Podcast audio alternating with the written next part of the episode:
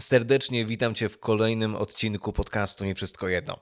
Ten podcast jest częścią projektu. Projektu, którego celem jest budowanie kultury, szacunku, honorowania, uniżenia, ale też wzmacniania siebie nawzajem jako uczniów Jezusa, jako chrześcijan, jako tych, którzy y, odebrali od Boga misję tego, aby przemieniać świat przez Ewangelię i którzy żyjąc w różnych kościołach, wspólnotach, miejscach wiary, y, stają razem i uczą się tego, w jaki sposób wdrażać y, to pragnienie Jezusa wyrażone w Ewangelii Świętego Jana 17 rozdziału, aby jego uczniowie, aby uczniowie Chrystusa stanowili jedno, aby byli w jedności. Serdecznie pozdrawiam Ciebie, szczególnie jeżeli jesteś za granicą, dlatego że wiem, że też ten podcast dociera do różnych krajów, do Polonii, do różnych miejsc na świecie, które właśnie w ten sposób też chcą wdrażać tę kulturę i uczyć się życia w trochę w inny sposób, odmienny od kultury tego świata. A mówię o tym dlatego, ponieważ kilkanaście dni temu wróciłem z Chicago e, i tam miałem okazję troszkę podzielić się szerzej moim sercem dla jedności e, i o tym, czego tam doświadczyłem, ale też o tym, co dzisiaj dzieje się w świecie i co dziś dzieje się w Polsce, właśnie w tej przestrzeni jedności, opowiem Tobie w tym odcinku. Serdecznie Cię zapraszam. Witam Cię w podcaście poświęconym jedności i charyzmatycznej odnowie Kościoła. To przestrzeń, która łączy ludzi, szczególnie tych, którym nie wszystko jedno, a którzy są gotowi w swoich domach, miejscach pracy i wspólnotach wiary budować mosty, łamać uprzedzenia i odważnie służyć odnowie Kościoła. Jedność to nie opcja, to szansa. Nie tylko w kościele, ale też w naszych relacjach i społeczeństwie. Przekonaj się o tym i dołącz do społeczności ambasadorów jedności oraz tych, którzy pragną duchowej odnowy Kościoła w Polsce. Podpowiem Ci, jak to zrobić. Zapraszam, Karol Sobczyk.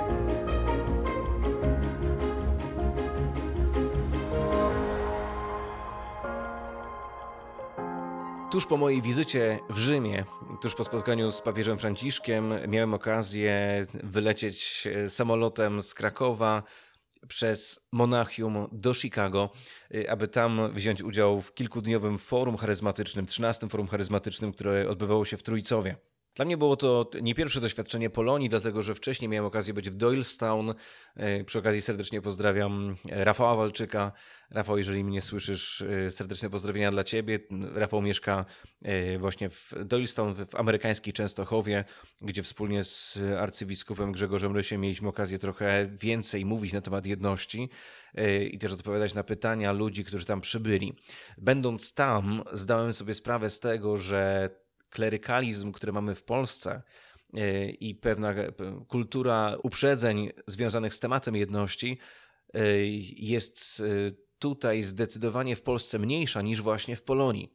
I opowiem Ci o tym, dlaczego tak się dzieje, ponieważ może to być cenne dla Ciebie, kiedy spotkasz się z osobami, które żyją za granicą i za granicą jako Polacy tworzą Kościół, współtworzą Kościół. Otóż e, duża grupa Polaków w latach 80. i 90. wyjechała, e, wyleciała za ocean po to, żeby w tamtym miejscu mm, znaleźć lepsze warunki życia, znaleźć możliwość pracy, której w tamtym czasie w Polsce nie było, e, ale też wyjeżdżając z naszego kraju, zawieźli tam to, co najlepsze.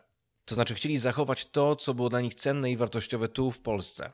Jedną z tych rzeczy był właśnie Kościół i wiara, i to, czego doświadczali w tamtym czasie.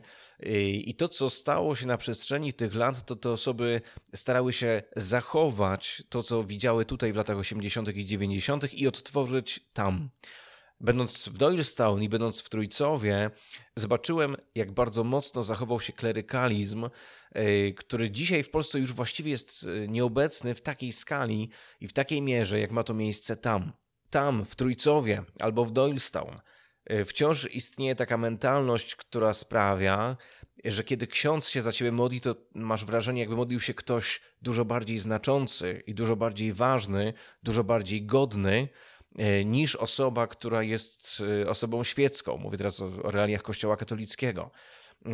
Jednocześnie, przez to, że katolicy są w zdecydowanej mniejszości w Ameryce, starają się budować coś, co mm, widzę w Polsce w kulturze ewangelikalnej, protestanckiej, to znaczy następuje pewne obudowanie, pewne e, stworzenie takiego obrazu czy, czy kultury zamkniętej twierdzy, która nie pozwala na to, żeby e, następowały swobodne, przyjacielskie relacje pomiędzy katolikami a protestantami. Nie zdarzyło mi się to w tej mierze wcześniej, ale podczas e, moich nauczeń, moich wykładów właśnie w Trójcowie, w Chicago, e, kilkukrotnie miałem taką sytuację, że ktoś chciał przerwać to nauczanie, albo podchodził do mnie, albo podnosił rękę, przerywając i wskazując, że to, co słyszy, jest bardzo trudne dla niego w odbiorze, jest dla niego bardzo niezrozumiałe. Y, odległe względem tego, co, co myśli albo co znajduje się w jego sercu. Kiedy mówiłem pierwszy wykład y, w Trójcowie w takiej mniejszej grupie dla wspólnot, mówiłem go w taki sam sposób, jak y, przywykłem mówić w Polsce, to znaczy dzieliłem się pewnymi historiami, dzieliłem się tym, co, co Bóg robi na rzecz jedności w Polsce i w świecie. I ten wykład ewidentnie odbijał się od osób, które, które były słuchaczami. Dla niektórych on był po prostu do tego stopnia trudny, że te osoby naprawdę przerywały y, to, co mówiłem, ponieważ były tym wzburzone, były tym poirytowane. Y, dlatego też, kiedy mówiłem drugi wykład, stwierdziłem, że trzeba zrobić to zupełnie inaczej i tutaj zostawię Ci pewną wskazówkę, y, że kiedy będziesz chciał dzielić się w tego typu środowiskach z osobami, aby wyjść od dokumentów Kościoła katolickiego. To znaczy, drugi wykład w całości poświęciłem historii, opierając się trochę na, tych, na tym cyklu, który zostawiłem Ci w podcaście w ubiegłym sezonie. Tam był taki cykl na temat białych plam.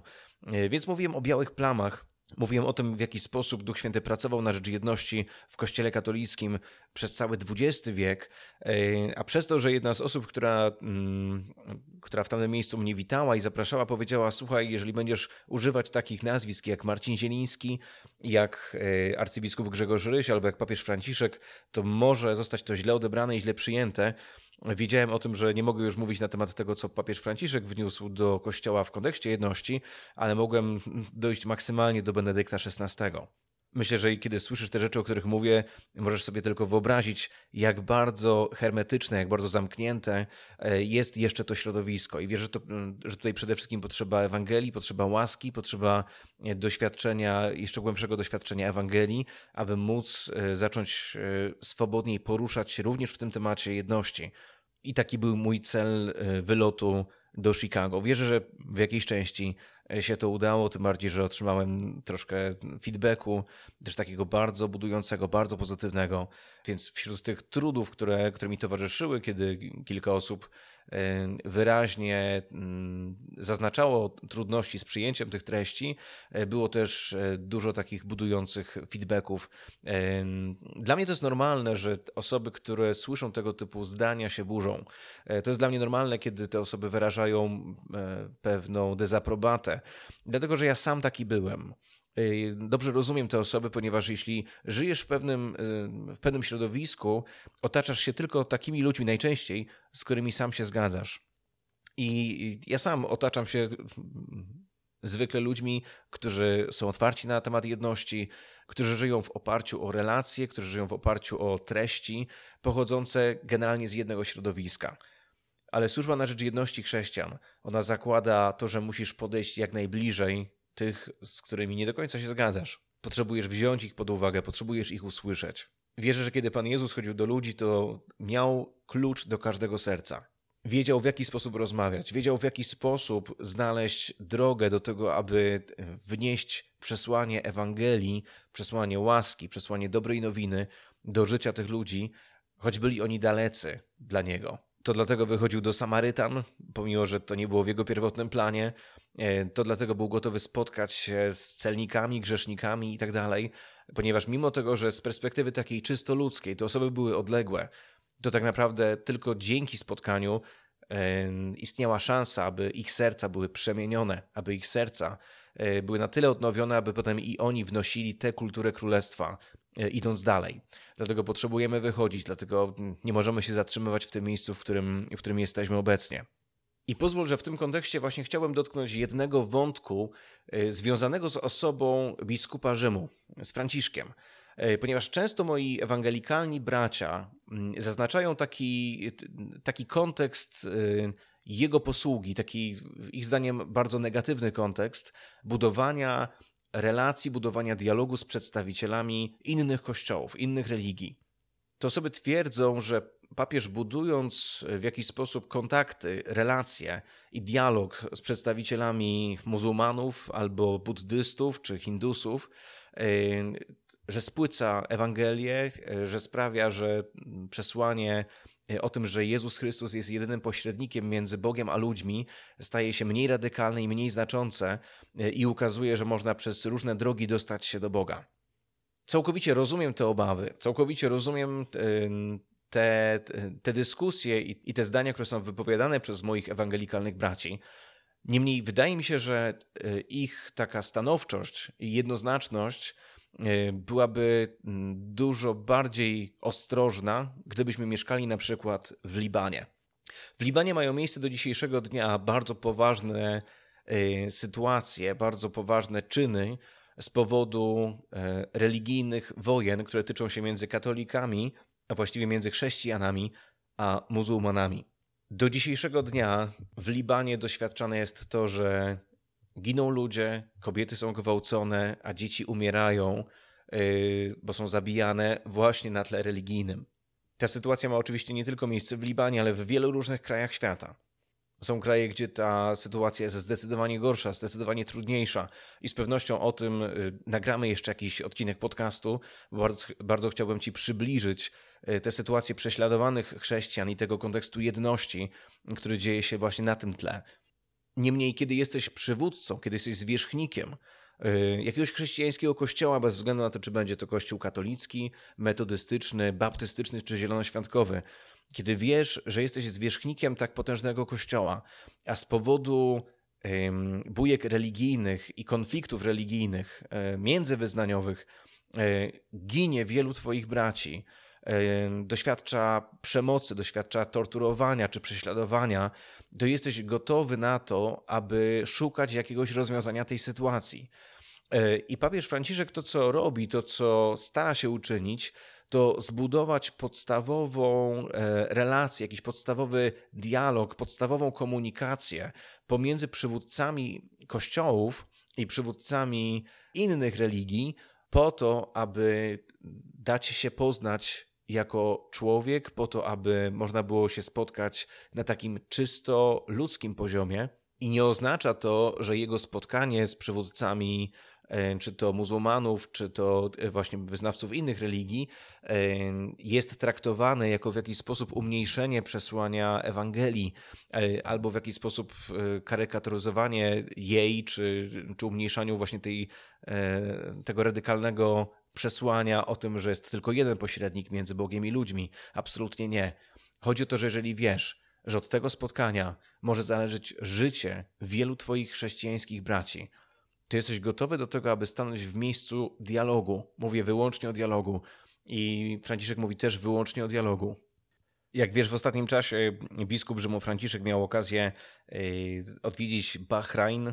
Tam też miał kilka spotkań, zarówno z przedstawicielami właśnie muzułmanów, jak i przedstawicielami kościołów e, chrześcijańskich, właśnie żyjących w tamtym miejscu. I będąc w Bahrajnie, powiedział jedną bardzo ważną rzecz, którą chciałbym uwypuklić E, w tym podcaście.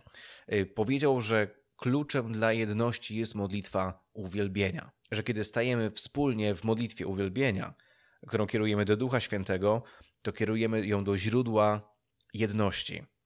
I zadał tam takie pytanie, które chcę zostawić na koniec dzisiejszego odcinka. Najmilsi, zadajmy sobie pytanie, jak my postępujemy w tej wędrówce? Czy ja, pasterz, szafarz, wierny, poddaję się działaniu Ducha Świętego?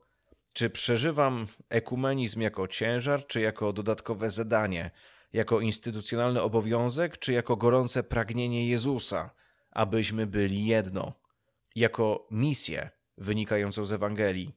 Konkretnie, co robię dla tych braci, co robię dla tych sióstr, którzy wierzą w Chrystusa, a nie są moi?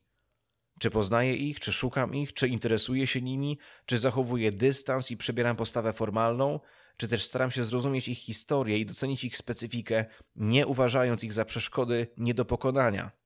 O to pytał papież. I na koniec powiedział w ten sposób: Zapytajmy teraz siebie, kiedy modlimy się razem o pokój, czy naprawdę jesteśmy tymi ludźmi pokoju?